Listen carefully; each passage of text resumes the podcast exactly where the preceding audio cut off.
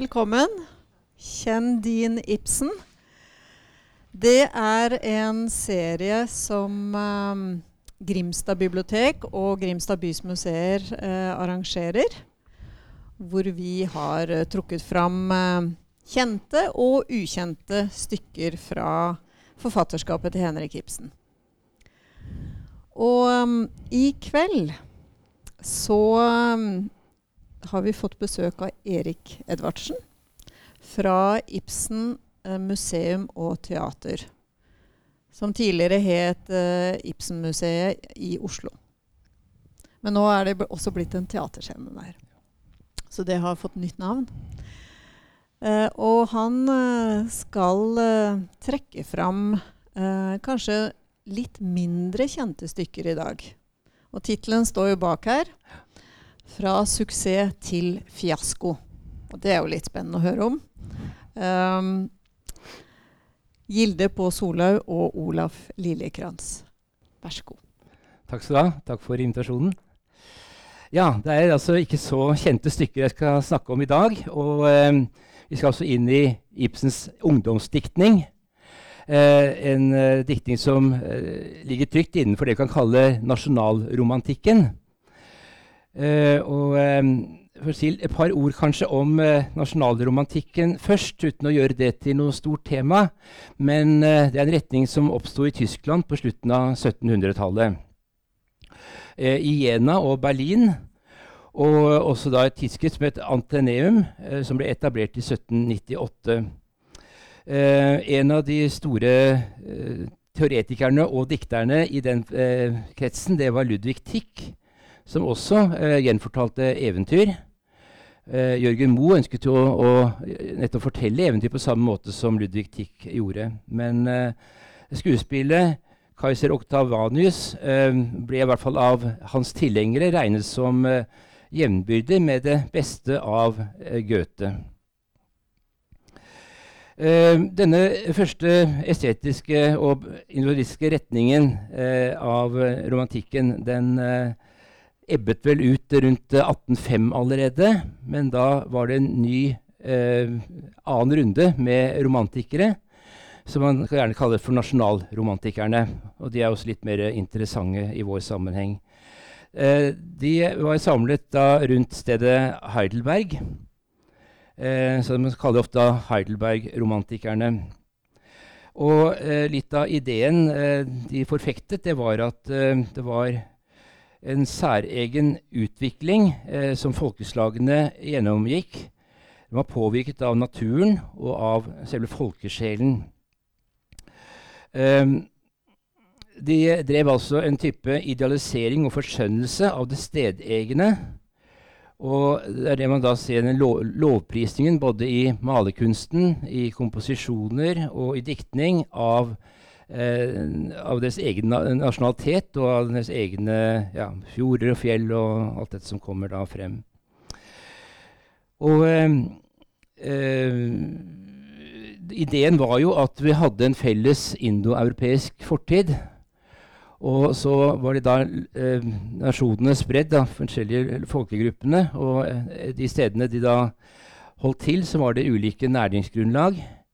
Eh, og de gjorde da at den diktningen, som var så gammel som indoeuropeisk, den eh, fikk litt, an, litt, ulike utløp. Eh, og så når da folkediktningen lignet på hverandre, eh, så skyldtes det rett og slett at eh, de hadde en felles rot, men det var altså utviklet videre. Og eh, tanker om at eh, kulturkontakt, altså at eh, ting ble oversatt, det vil man ikke høre snakk om. Det skulle være hver nasjons egen eh, arv fra, fra, den første tiden.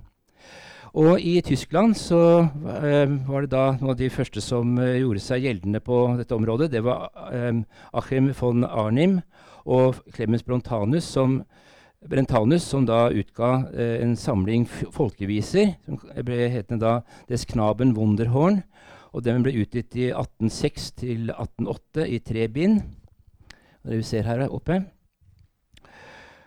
Og eh, de gjendiktet øh, folkevisene. De eh, gjenga dem ikke som de var. Men, og da dukket det opp eh, brødreparet Grim, Jakob og Wilhelm Grim. Og de hadde en helt annen og vitenskapelig inngang til dette. Eh, de ville at eh, man skulle gjengi eventyrene slik folket selv fortalte det. De skulle samarbeide med eh, Arnim og Brentano. Eh, og de skulle starte et eget tidsskrift og en egen forening også. Men eh, de eldre nå synes at Brødrene Grim gikk for langt og brøt samarbeidet. Men Røden Grim startet jo en bevegelse, og noe som uh, da ble tatt godt imot, og som uh, ble, også fikk da avlegger i andre land. De utga altså eventyrsamlingen 'Kinder und Haus Hausmärchen' og fulgte opp med 'Deutsche Sagen' og 'Deutsche Mytologi'. Og Grunnen til at de skulle være så nøye med gjengivelsen, det var da historisk språklige grunner. Eh, man skulle da også kartlegge hvordan språket hadde utviklet seg. Men det var viktig også at uh, denne folkediktningen ga emner til bearbeidelse. Røyne Grims uh, internasjonale berømmelse den, uh, den steg, og romantikken ble godt mottatt både i Frankrike, England og Danmark, hvor især Ølensleger ble den fremste representant som da dikter og som bearbeidet videre, og i Sverige Esaias Tegner. Tegner. Han var dosent i estetikk og professor i gresk. Um, og uh, en annen ting var da at Danmark uh, fikk jo da også utgitt uh, folkesang ganske tidlig. Det er Mat just Mathias Thiele som utga prøver av danske folkesagn. Og det skjedde i 1817, da de både fått utgitt eventyr og balladesamlinger i Sverige og, og Danmark. Men i Norge var det ganske stille. Og nettopp eh, Thiles danske folkesagn gjorde at det i hvert fall eh, det kom en artikkel i Morgenbladet to år etterpå, i 1819, eh, med en oppfordring til nordmenn. og Jeg tar og leser opp litt av den. En må skje ikke uvesentlig del av oldgranskingen er det at samle folkesagn. Endog så børneviser og ammefortellinger der fra gamle tider av havet eh, vedlikeholdt seg i allmuens eh, munn. Ønskelig var det om også en norsk lærd, især en prest på landet, ville medvirke til denne retning som den alminnelige hvitelyst nå har taget. Um, det var ganske stille. Oppfordringen uh, skjedde for døve ører. Men Maurits Hansen begynte sine folkelivsskildringer. og Mest kjent er vel hans bondefortelling 'Luren' fra 1819, mens Henrik Anker Bjerregaard skrev en toakts syngespill fjelleventyret, som ble svært populært. Man eh, ønsket også å lage nasjonale sanger. Man skulle jo prise sin egen nasjon og, og eh, omgivelsene eh, der en bodde. Og en syns jo også etter hvert at den norske nasjonalsangen 'Norges skål', eller 'For Norges kjempers fødeland', med mye eh, drikking, at den ikke passet seg så godt. Så det ble utlyst en konkurranse i 1822 om en ny nasjonalsang. Vinner ble Bjerregaard med 'Sønner av Norge'. Eh, tredjeplassen den gikk til Simon Olaus Wolff. Eh, 'Nordmanns sang', 'Hvor herlig er mitt fødeland'. Og han er jo også en som grep fatt i folkediktningen. Eh, tredje strofe starter 'Jeg har de gamle sagn så kjær'. Og sangen ble skrevet under en fottur i Telemark sommeren 1822, nettopp for å samle sagn og annet forteller, folkelig fortellerstoff for å ha emner for sin egen kunstdiktning. Um, Wolf uh, bodde i Telemark. Han var sogneprest i Mo. Uh, men det var et ganske magert eh, sognekall. Eh, og han ble gift, og han forsøkte å søke seg en mer lukrativ stilling i Holt. Den fikk han ikke. Eh, og i 1833 så kom han da som sogneprest i Aurskog isteden.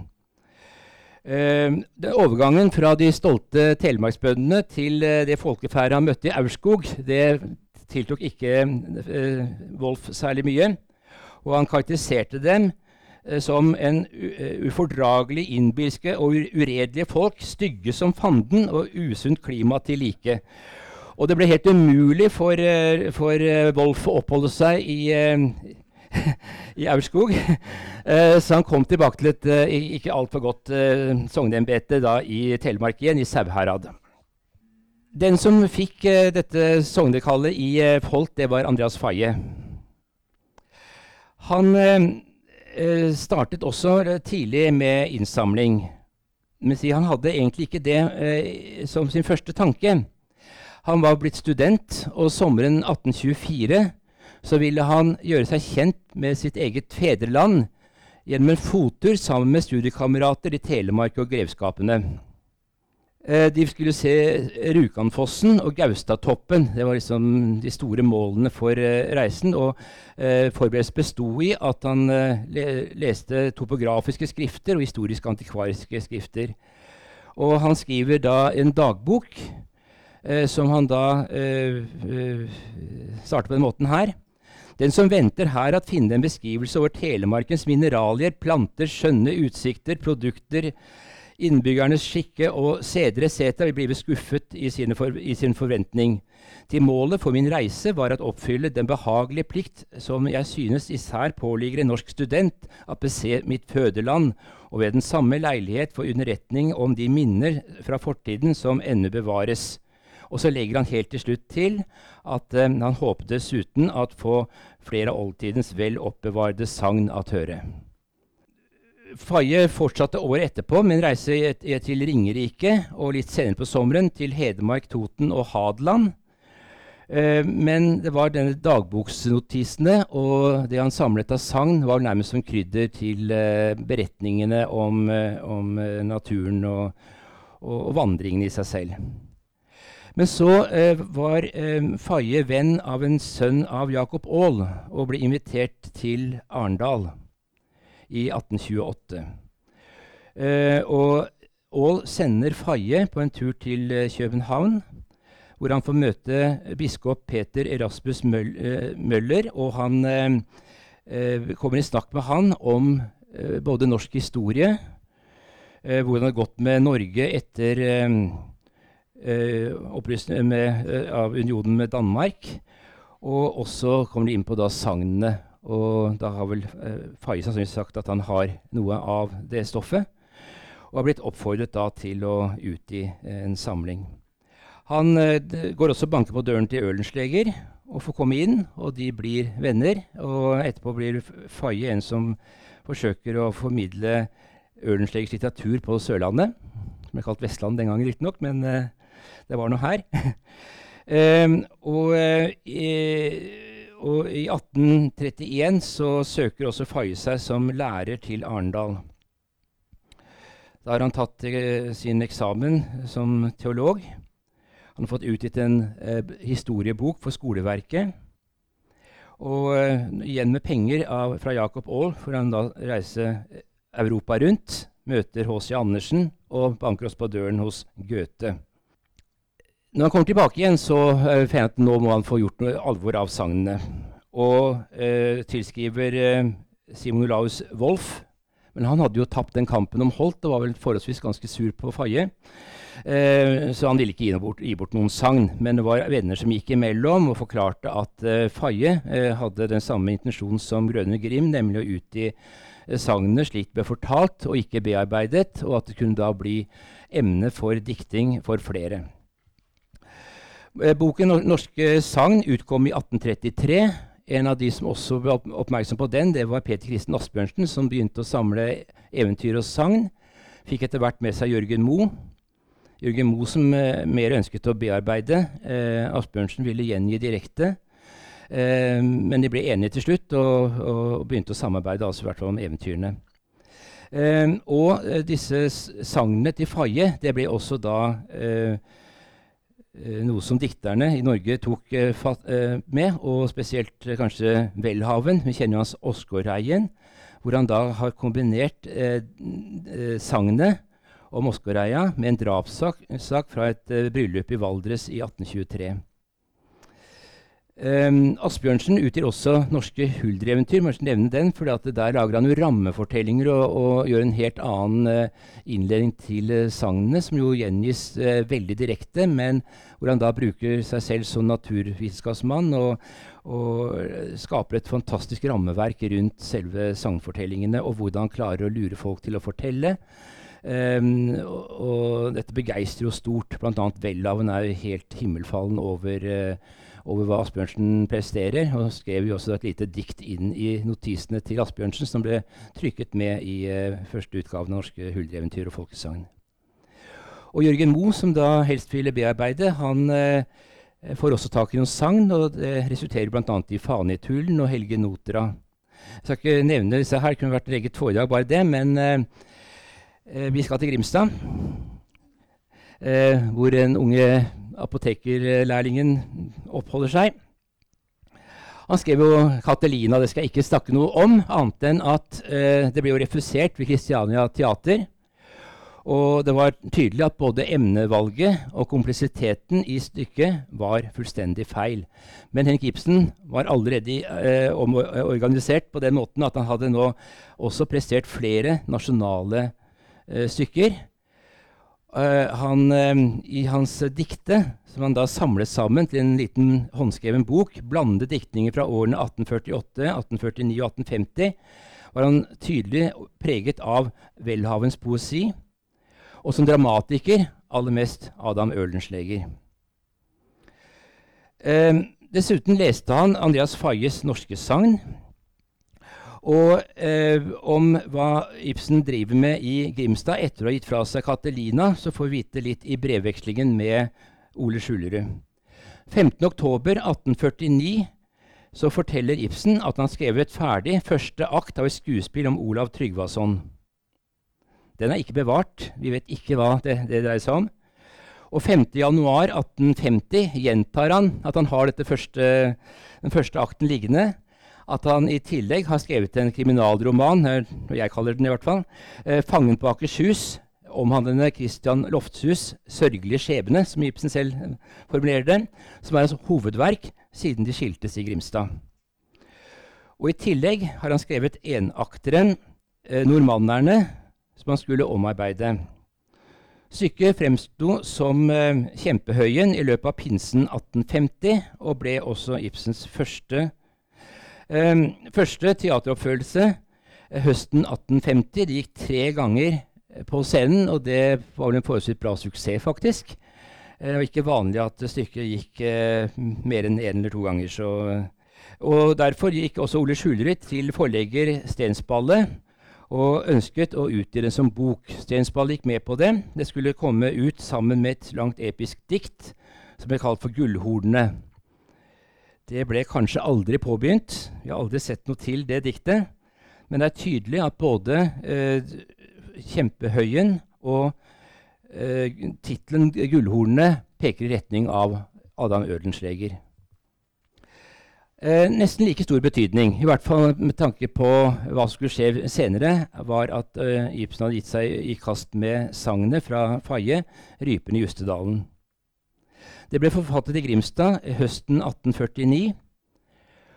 Eh, og var et, ja, eh, en dramatisk bearbeidelse av det berømte Svartedauden-sagnet hos Faye. Eh, her er starten bevart, og det er til og med blitt oppført i det lille som finnes av Ibsen. Eh, og det har i tillegg eh, blitt eh, filmatisert, men da mer som det sagnet det er, i et stykke som ble kalt for 'Trollsyn'. Det kom i 1994. Og enkelte av scenene var faktisk så gode at de ble gjenbrukt i, i filmatiseringen av Sigrid Undsets 'Kristin Lavransdatter', som kom like etterpå. Um, etter et opphold i Kristiania så kom Ibsen som instruktør til um, Bergen. Men der hadde de allerede ansatt en velutdannet skolestyrer, Herman Låding. Ibsen ble derfor tilbudt stilling som sceneinstruktør og husdikter, mens Låding skulle ta seg av eh, være art artistisk instruktør eh, og håndtere skuespillerne. Ibsen drev altså gående og male kulisser og ordne med det praktiske opplegget for teaterstykkene.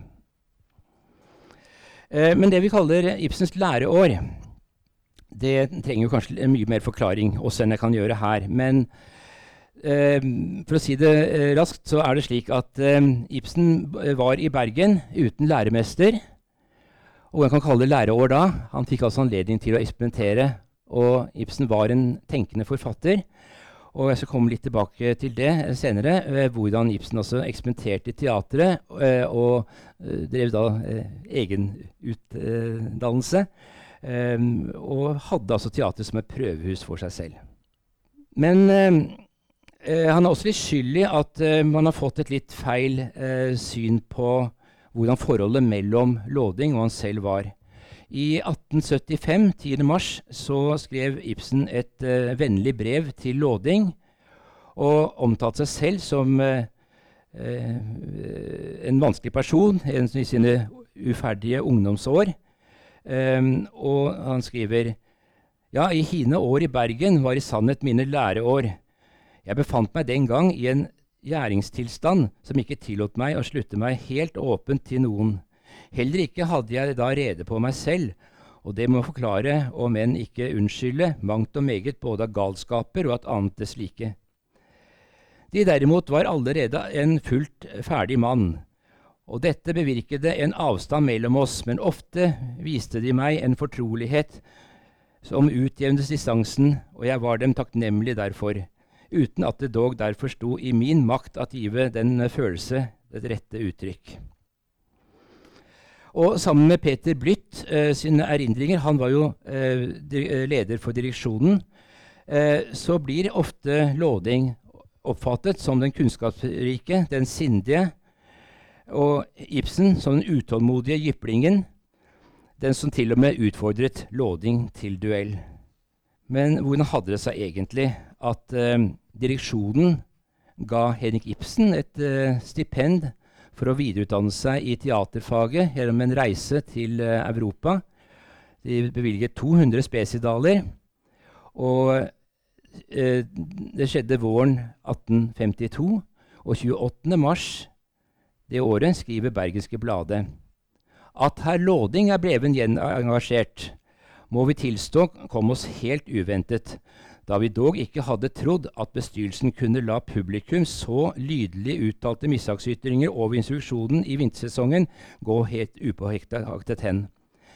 Eller vil den da endelig have flere pipekonserter for å overbevise om at, pub at, publikum, med all aktelse og for øvrig for hans eh, person dog eh, forkaster herr Låding som instruktør.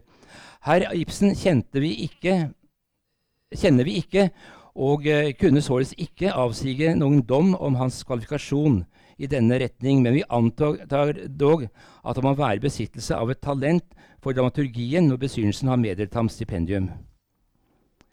15.4 reiser altså Ibsen med skuespilleren Johannes Brun og Louise Brun med dampskipet Mercator til Hamburg. Han skal skaffe dem danseundervisning i København.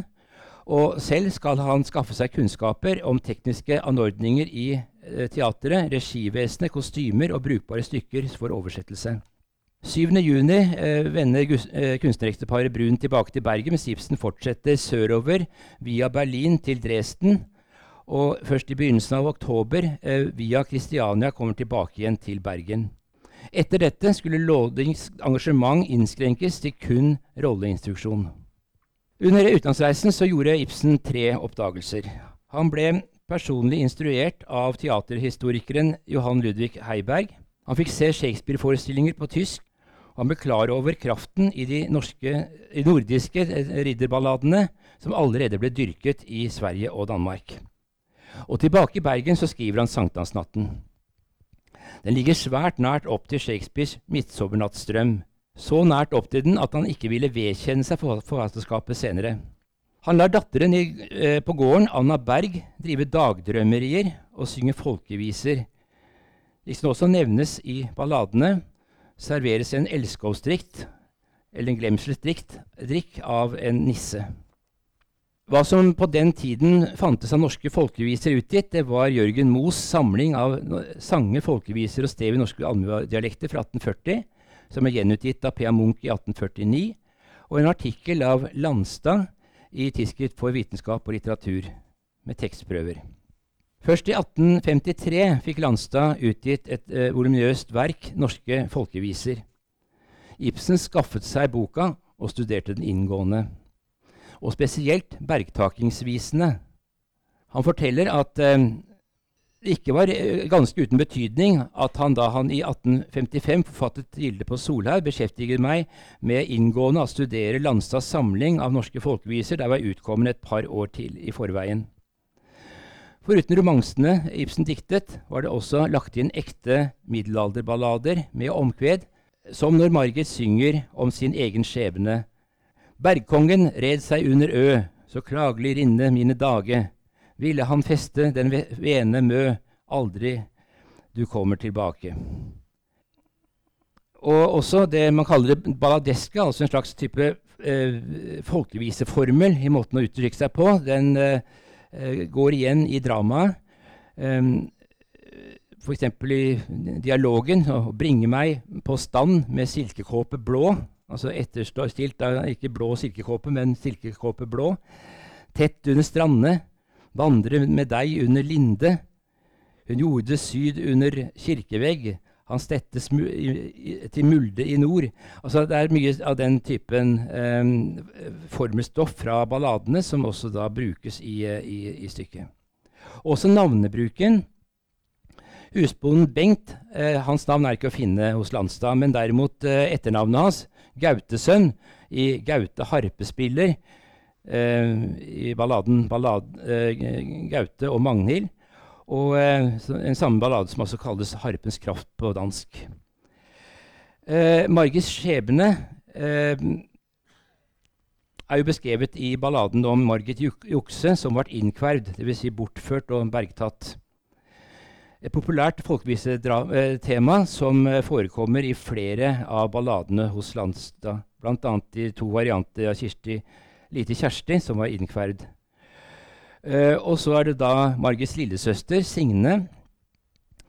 Uh, hun bærer et navn som finnes i svært mange ballader. Her Nilaus, Vilgård Hertugusson, Hagbart og Signe, Signe Mogen, og fremfor alt i balladen om Sigmund og Signe Lita, hvor også beileren Gudmund Alfsans navn er å hente.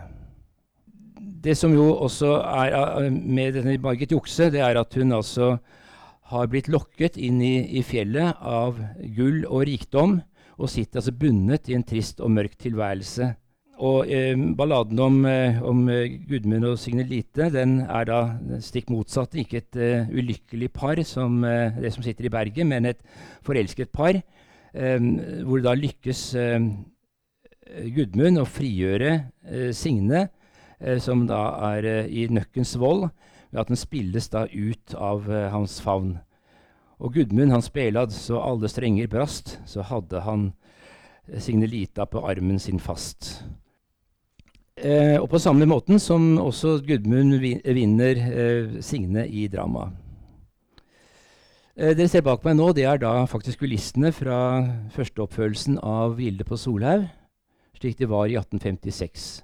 Det ble hentet frem og spilt i Ibsens gamle teater eh, i 1928, i 100-årsjubileet. Da hadde de også laget det nye teateret i Bergen, men de brukte det gamle teaterhuset og satte inn kulissene. Og kanskje også draktene fra den gang. 'Gilde på Solhaug' er et ekte forvekslings- og forviklingsdrama. Og den gjør også bruk av alle tidens teatrale virkemidler med avsidesreplikker. Det gjør man også på den måten som man gjør man skal hviske til folk. Eh, man står ved siden av som ikke skal høre hva du sier, og da eh, sier man det sånn. Så er det bare noen få som hører det, nemlig alle som sitter i salen. Eh, og man bruker store fakter. Det lå i tiden. Uh, Dramaet starter med Knut Gjesling, som er på frierferd til uh, Signe. Uh, men en søster, Margit, og svogeren Bengt Gautesønn synes ikke han er noe godt gifte. Vel er han rik, og vel har han kongens gunst, men han lever et vilt, ustyrlig liv. Eh, samtidig så er eh, Knut Gjesling på gården fordi han vil eh, tro at Gudmund Alfsen er å se i nærheten. Eh, han er lyst eh, fredløs, og de er ute for å fange han. Eh, Gudmund har forlatt stedet for sju år siden, og han var, eh, eh hadde et forhold til, eh, til eh, Margit. Eh, men i hans fravær så hadde hun altså valgt den eldre Bengt som ektemake for rikdommens skyld. Og nå skulle det lages til fest, for det er treårsdagen for deres bryllup. Eh, Bengt gleder seg svært til, eh, til kvelden. Eh, Margit syns det jo er et hån. Hun har følt at den tiden hun har vært på Solhaug, det er som om hun sittet da i bergkongens fjellhule uten at solstrålene kunne slippe inn til henne. Da Gudmund kommer også til, til Solhaug. Og Margit vil jo ikke vise at hun, hvor dypt hun har, har sunket, og ikke eh, gjøre han i stand til å hovere over hennes dårlige valg. Og, men han har slett ikke kommet for å ydmyke henne. Han kommer rett og slett fordi han trenger hjelp, nettopp fordi han har blitt en fredløs flyktning. Og um, Grunnen til at han har eh, falt i unåde, det er at han uh, var av sted for å hente en prinsesse til kongen. Og um, så kommer han litt ufrivillig til å sitte på, på, skipet, og rett bak seg så er det en litt amorøs eh, samtale mellom Audun fra Hegarnes og prinsessen. Og når de for, for, forsvinner fra stedet, så blir det liggende igjen en flaske med gift etter dem og den mente de altså var bestemt for kongen. Denne tar Gudmund og legger i jakkelomma si. Uh, men han frykter nå at uh, Audun vil baktale ham uh, for kongen, og finner best å rømme. Og så er det altså Audun som da får forklart og lagt all skyld på Gudmund, og, og han blir altså lyst fredløs. Litt rar eh, konstruksjon, konstruksjon, av Ibsen der. Den henger ikke helt godt på greit, men vi får bare godta at det er sånn det er skrevet. Margit, I Margit så våkner gammel kjærlighet når hun hører om uh, Gudmunds uh, skjebne. Men han besvarer ikke hennes følelser. Gudmund har forsonet seg med tapet og har fullstendig avskrevet den gifte Margit. I stedet lar han blikket falle på lillesøsteren Signe, som eh, den gang han reiste, var et barn, men nå har blitt en attraktiv ung kvinne. Omtrent slik Margit var når han reiste. Og så kommer den komplette forvekslingsscene. Margit tror at Signe har godtatt frieriet fra Knut Gjesling, og forstår ikke at hun så raskt kan akseptere en totalt fremmed mann som han er for henne. Men kanskje litt lettet. Eh, Knut, som er der for å fange Gudmund, tenker det er best å holde seg inne med eh, Gudmund først for å innunde seg hos Signe, eh, og heller da gripe han ved en senere anledning. Og Gudmund tenker at eh, vennskapet med Knut eh, det gjør at han og Signe kan få være i fred. Eh, og de snakker da varmt om hvem de har truffet begge to. Og eh, så kommer jo Signe, og så roper de i begge to i kor, de peker i hennes retning. Henne er det. Og så er det jo avslørt seg for hverandre at begge var ute etter samme person. Nå er det jo da uh, Margit som prøver å glatte over det hele, fordi at uh, Knut Gjesling han mener jo at han bare holdt med godt snakk, og at de bare ventet på at Gudmund skulle komme, og at de hadde lovt bort Signe til ham. så han er jo forholdsvis truende nå og vil komme igjen og gjøre hevn. Og Gudmund forstår jo også det faren som er i ferd med å skje, så han hvisker da til, til Signe at de må reise av sted fra Solhaug allerede i natt. Og for ytterligere å forsterke det dårlige valget som Margit har gjort, så er det jo Bengt som sitter der og hoverer og sier eh, bestemt at, eh, at eh, hadde hun vært, eh, hun vært bundet til, til, til, meg, ja, så hadde man ikke tvil om hvem eh, Gudmund hadde kåret, nemlig Margit. Så eh, finner da Margit får høre også om denne giftflasken, og hun klarer å lure den fra eh, fra Gudmund. Hun later som hun kaster den i fossen, eh, men hun beholder den og legger den i lomma og sier at ja, du var jo selv vitne til at jeg kastet den. I, I dramaet så er det jo flere av disse folkevisemomentene som også trekkes med, bl.a. et begrep som uh, står hos uh, Landstad, nemlig å stevjast, altså lage ste stevkamp. Og det legges altså inn i Ibsens drama, men advares mot det. Så lenge Knut Gjesling er i nærværende, så vil en sånn konkurranse ende med håndgemeng. Og så fortelles det om Margits slekt, at de var sagakyndige, og at Margit visstnok kunne mange eventyr, men hun svarer at hun har glemt dem alle til hope. Og retter i stedet skytset mot Gudmund og sier at han kjenner nok et eventyr som er lystig nok. Og det hun da peker på, det er selvfølgelig hva som har skjedd med han, han selv og Signe. Et personlig huldreeventyr. Men Gudmund han parerer med i stedet å synge et eh, kvede, altså synge en sang. Eh, hvor han da også får spottet Margit eh, som en utro alvekvinne. Så det, det foregår eh, kamper her ved hjelp av da folkediktningens eh, måter å, å, duellere på, eh, som Ibsen altså gjør godt bruk for.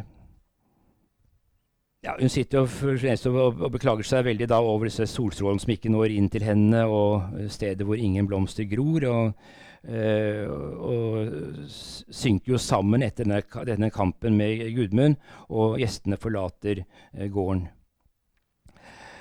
Uh, Bengt har klart å drikke seg ganske full, og er nå fast bestemt på at han vil drepe Knut Gjesling. Han blir amorøs, men Margit river seg foraktelig løs fra ham. og han lovpriser sitt ekteskap og eh, sier at ja, selv om Gudmundur ikke eier tiendedelen av hans rikdom, var han, han garantert ha fridd til Margit eh, dersom hun ikke hadde vært bundet til ham. Eh, og, og, Margit bestemmer seg nå for at uh, hun må bli kvitt denne, denne plagsomme ektemannen sin. Uh, akkurat som da Bengt helst vil bli kvitt denne plagsomme Knut Gjesling. Og hvis da også Gudmund kan ta Signe, ja, så kan du jo leve i fred som svoger etterpå. Så han ser jo for seg en stor idyll i fortsettelsen.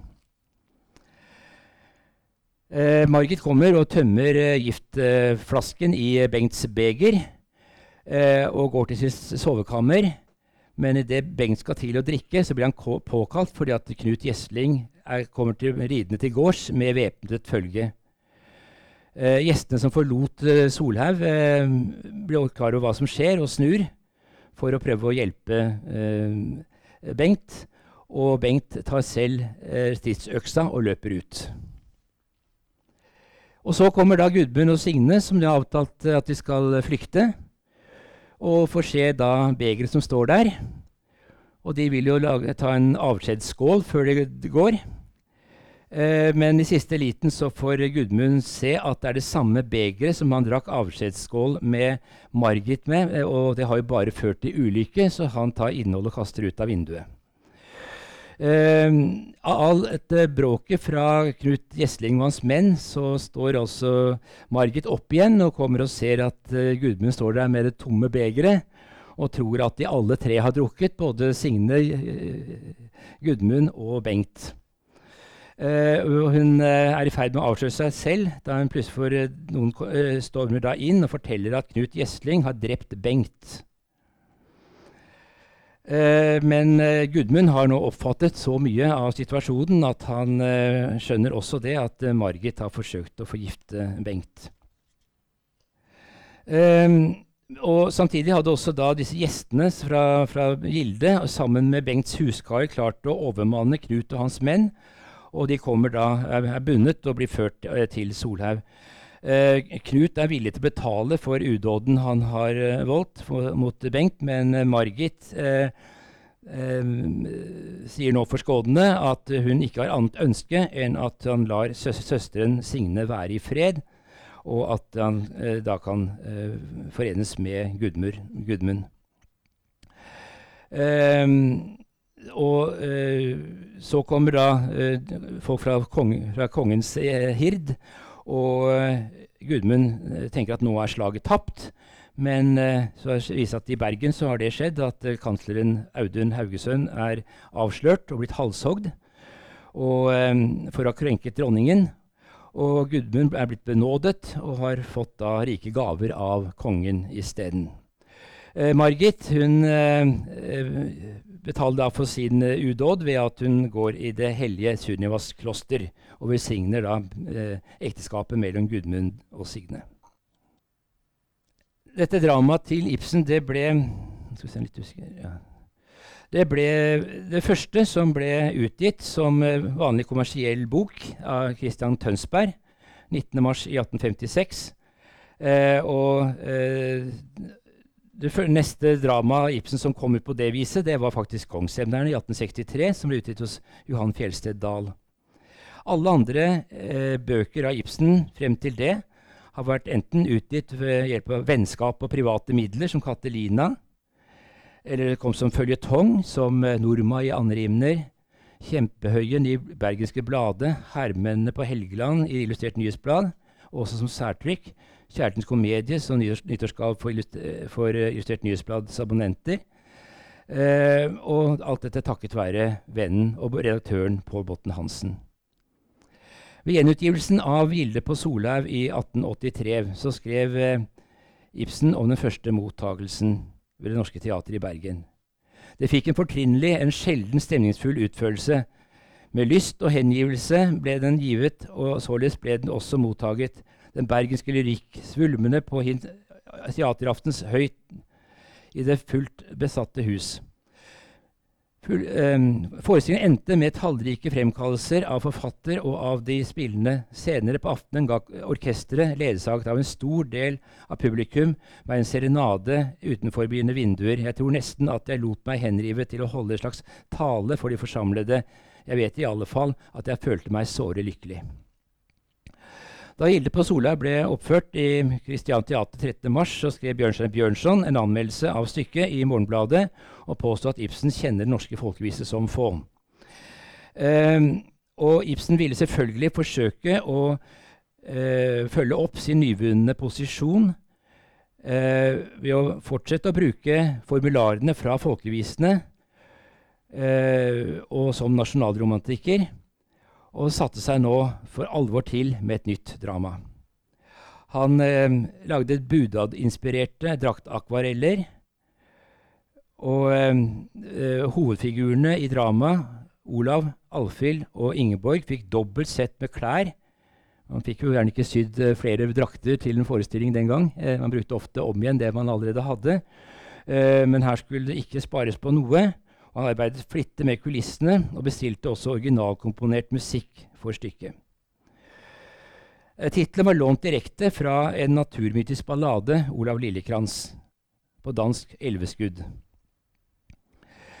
Uh, Ibsen tok det så alvorlig med folkevisestudiene sine nå at uh, julen 1856, på selve årsdagen for foreningen av 25.12., holdt han vitenskapelig foredrag på medlemsmøtet under tittelen 'Om kjempevisen og dens betydning for kunstpoesien'. Teksten ble senere trykket i Illustrert nyhetsblad over to nummer 10. og 17. mai i 1857. Og eh, Innledningsvis så sier eh, Ibsen om kjempevisen om fordoms kunst er kjempevisen fast det eneste minnesmerket der gjennom tidene med alle deres omskiftelser er vedbrevet av føre et friskt og kraftig liv i folkets bevissthet. Ved muntlig overlevering er kjempevisen gjennom århundrer gått fra slekt til slekt, visstnok etter hånden forvansket, men som man under slike omstendigheter vel kan tenke seg, men dog i sin grunntone bevart. Det egentlige folk der her som annetsteds har stått utenfor all likefrem påvirkning av kunstpoesien, har i sin visediktning funnet et tilfredsstillende uttrykk for sitt indre liv. Det eier i denne en form der åpenbarer dets åndelige innhold anskuelig for enhver. Kjempevisen er ikke diktet av noen enkelt, den er summen av hele folkets dikteriske krefter. Den er frukten av dets poetiske begavelse. Han er godt eh, orientert og belest og eh, står helt på skuldrene til den eh, tidens evolusjonistiske tankegang om eh, kulturell arv fra den indoeuropeiske tid. Og, og Frembringelsene de, eh, de, er altså i den nasjonale ånd. Og han ser også da ulikhetene i eh, den germanske og den nordeuropeiske måten å og tilnærme seg visestoffet. Eh, de vil være meddiktende.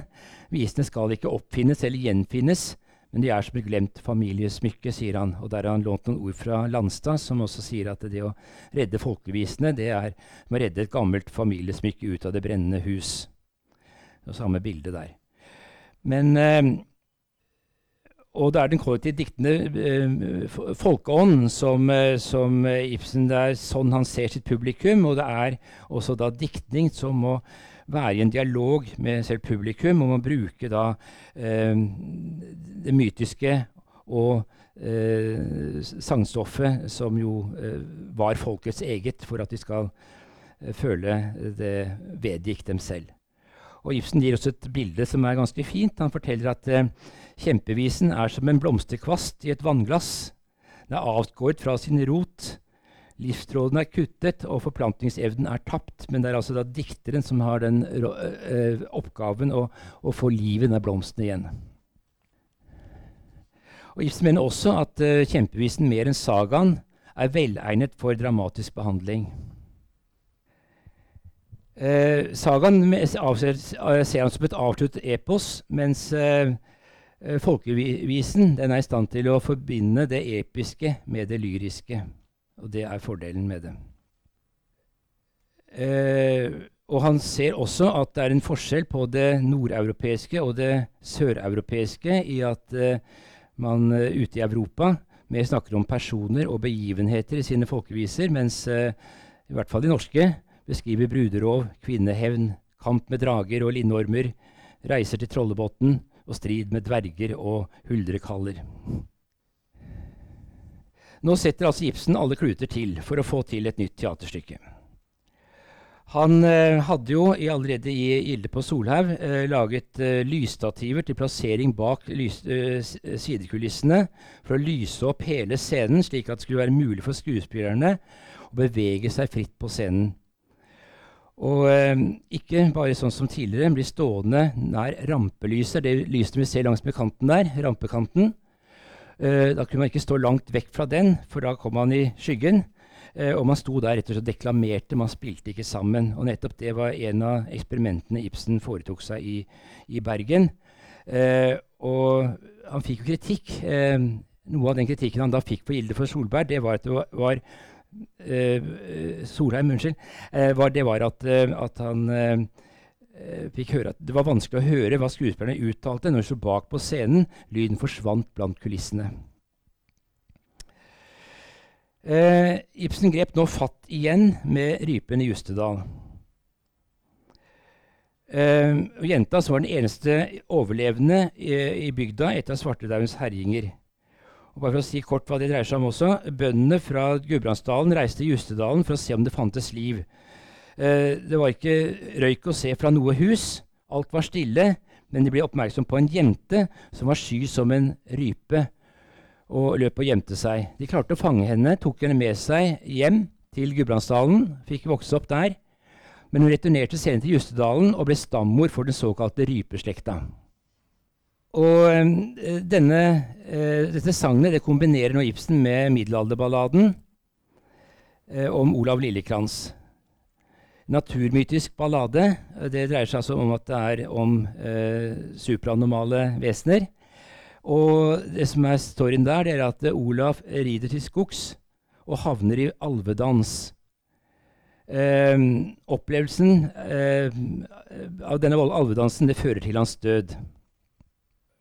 Og kanskje på å si det om, om dramaet Ibsen lager. Han følger ikke opp akkurat den uh, dødsromantikken fra balladene. Han uh, lar det bli en happy ending. Og vi får kanskje bare beklage at Ibsen ennå ikke har oppdaget da styrken som lå i det fandenivoldske og det dødbringende tragiske avslutningene, men det ligger enda noen år videre. Uh, det han nå grep fatt i, det var da teateret i Bergen. Det hadde en scene som var 11 ganger 12 meter. 11 meter bred, 12 meter dyp. Og det var kanskje ikke så vanskelig med så liten sal at uh, skuespillerne sto bak på scenen. Det var ikke langt bak de kom. Men det var uvant med å konsentrere seg når skuespillerne ikke så dem rett i øynene. Uh, og um, når da altså bevegelsen ikke kunne skje innover på scenen, så lot Ibsen det her skje i bredden. Um, Ibsen eh, starter altså første akt av Ola Lillekrans med at eh, i midten så står spillemannen Torgeir. Han skal stå blant eh, noen store klippeblokker. Og han lytter til begge sider, for han hører forskjellige lyder. På høyre side ser han slektninger til Arne fra Gullvik, som synger Vår vei vil korte med skjemt og sang. Og eh, Arne har etter råd fra eh, datteren Ingeborg tatt veien over fjellet for å gifte henne bort til Ola Lillekrans. På venstre side er en tett vokst eh, skogsli eh, med fjell i bakgrunnen.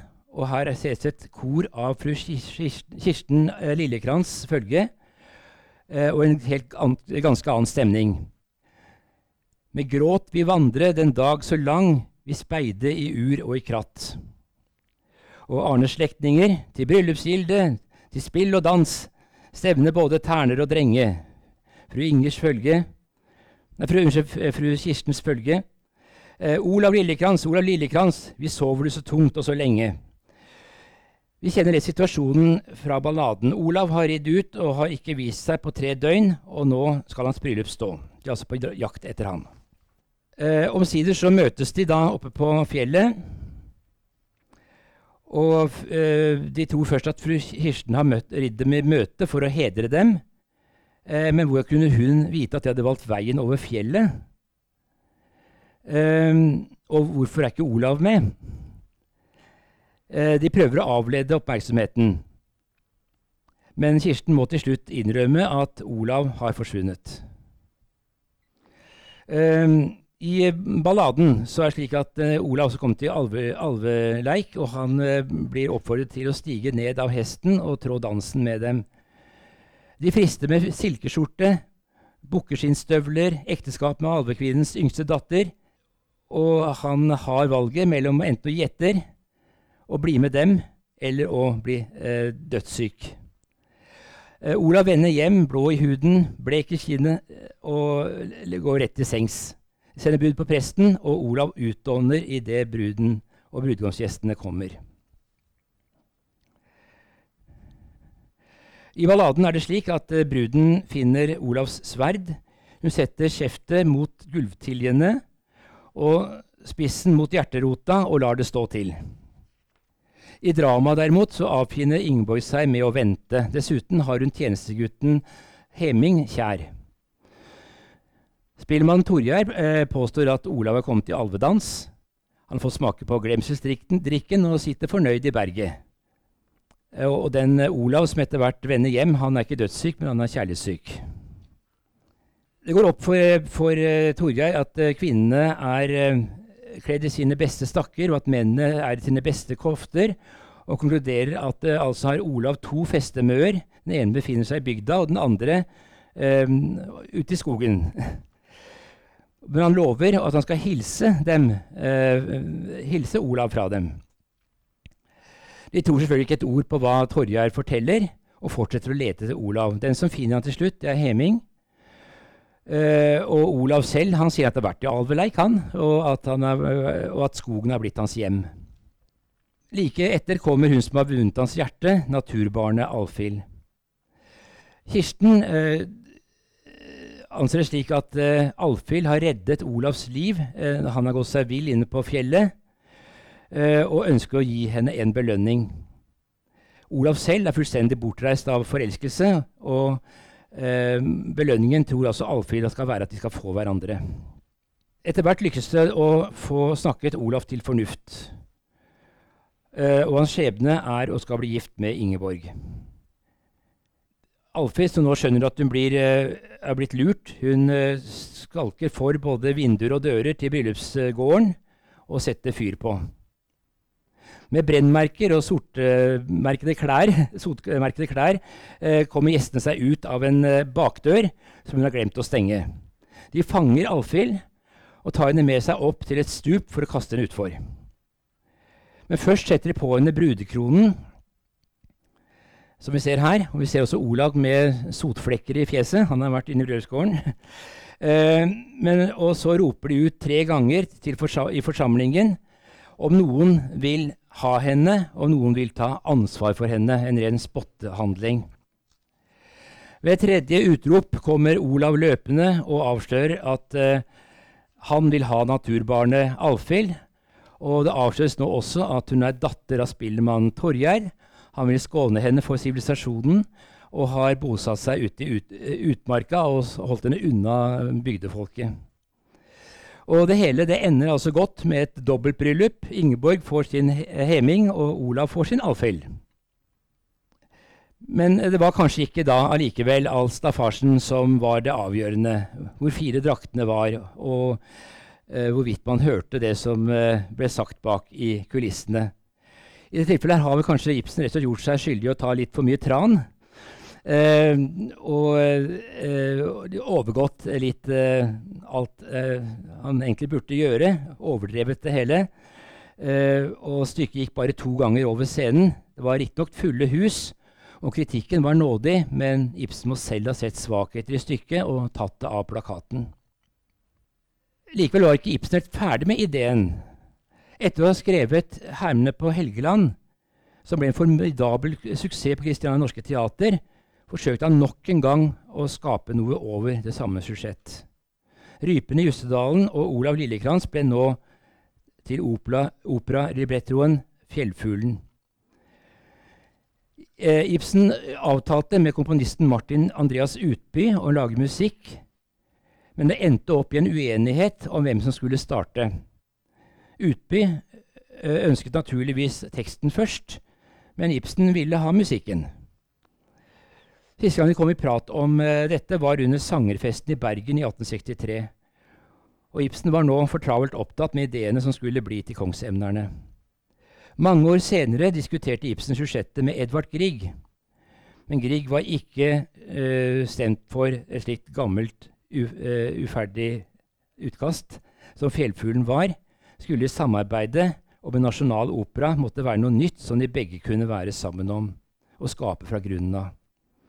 Ibsen fikk altså aldri skikk på sitt siste folkevisestykke, og fikk aldri forfattet noen opera, selv om også 'Fjellfuglen' fikk sin forestilling 150 år etter, i 2009 på Grusebrettens teater, med nyskrevet musikk av Philip Sande. Men det som står igjen, er at Gilde på Solhaug det var hans første store teatersuksess, og det burde jo ikke gå under radaren. Takk for oppmerksomheten.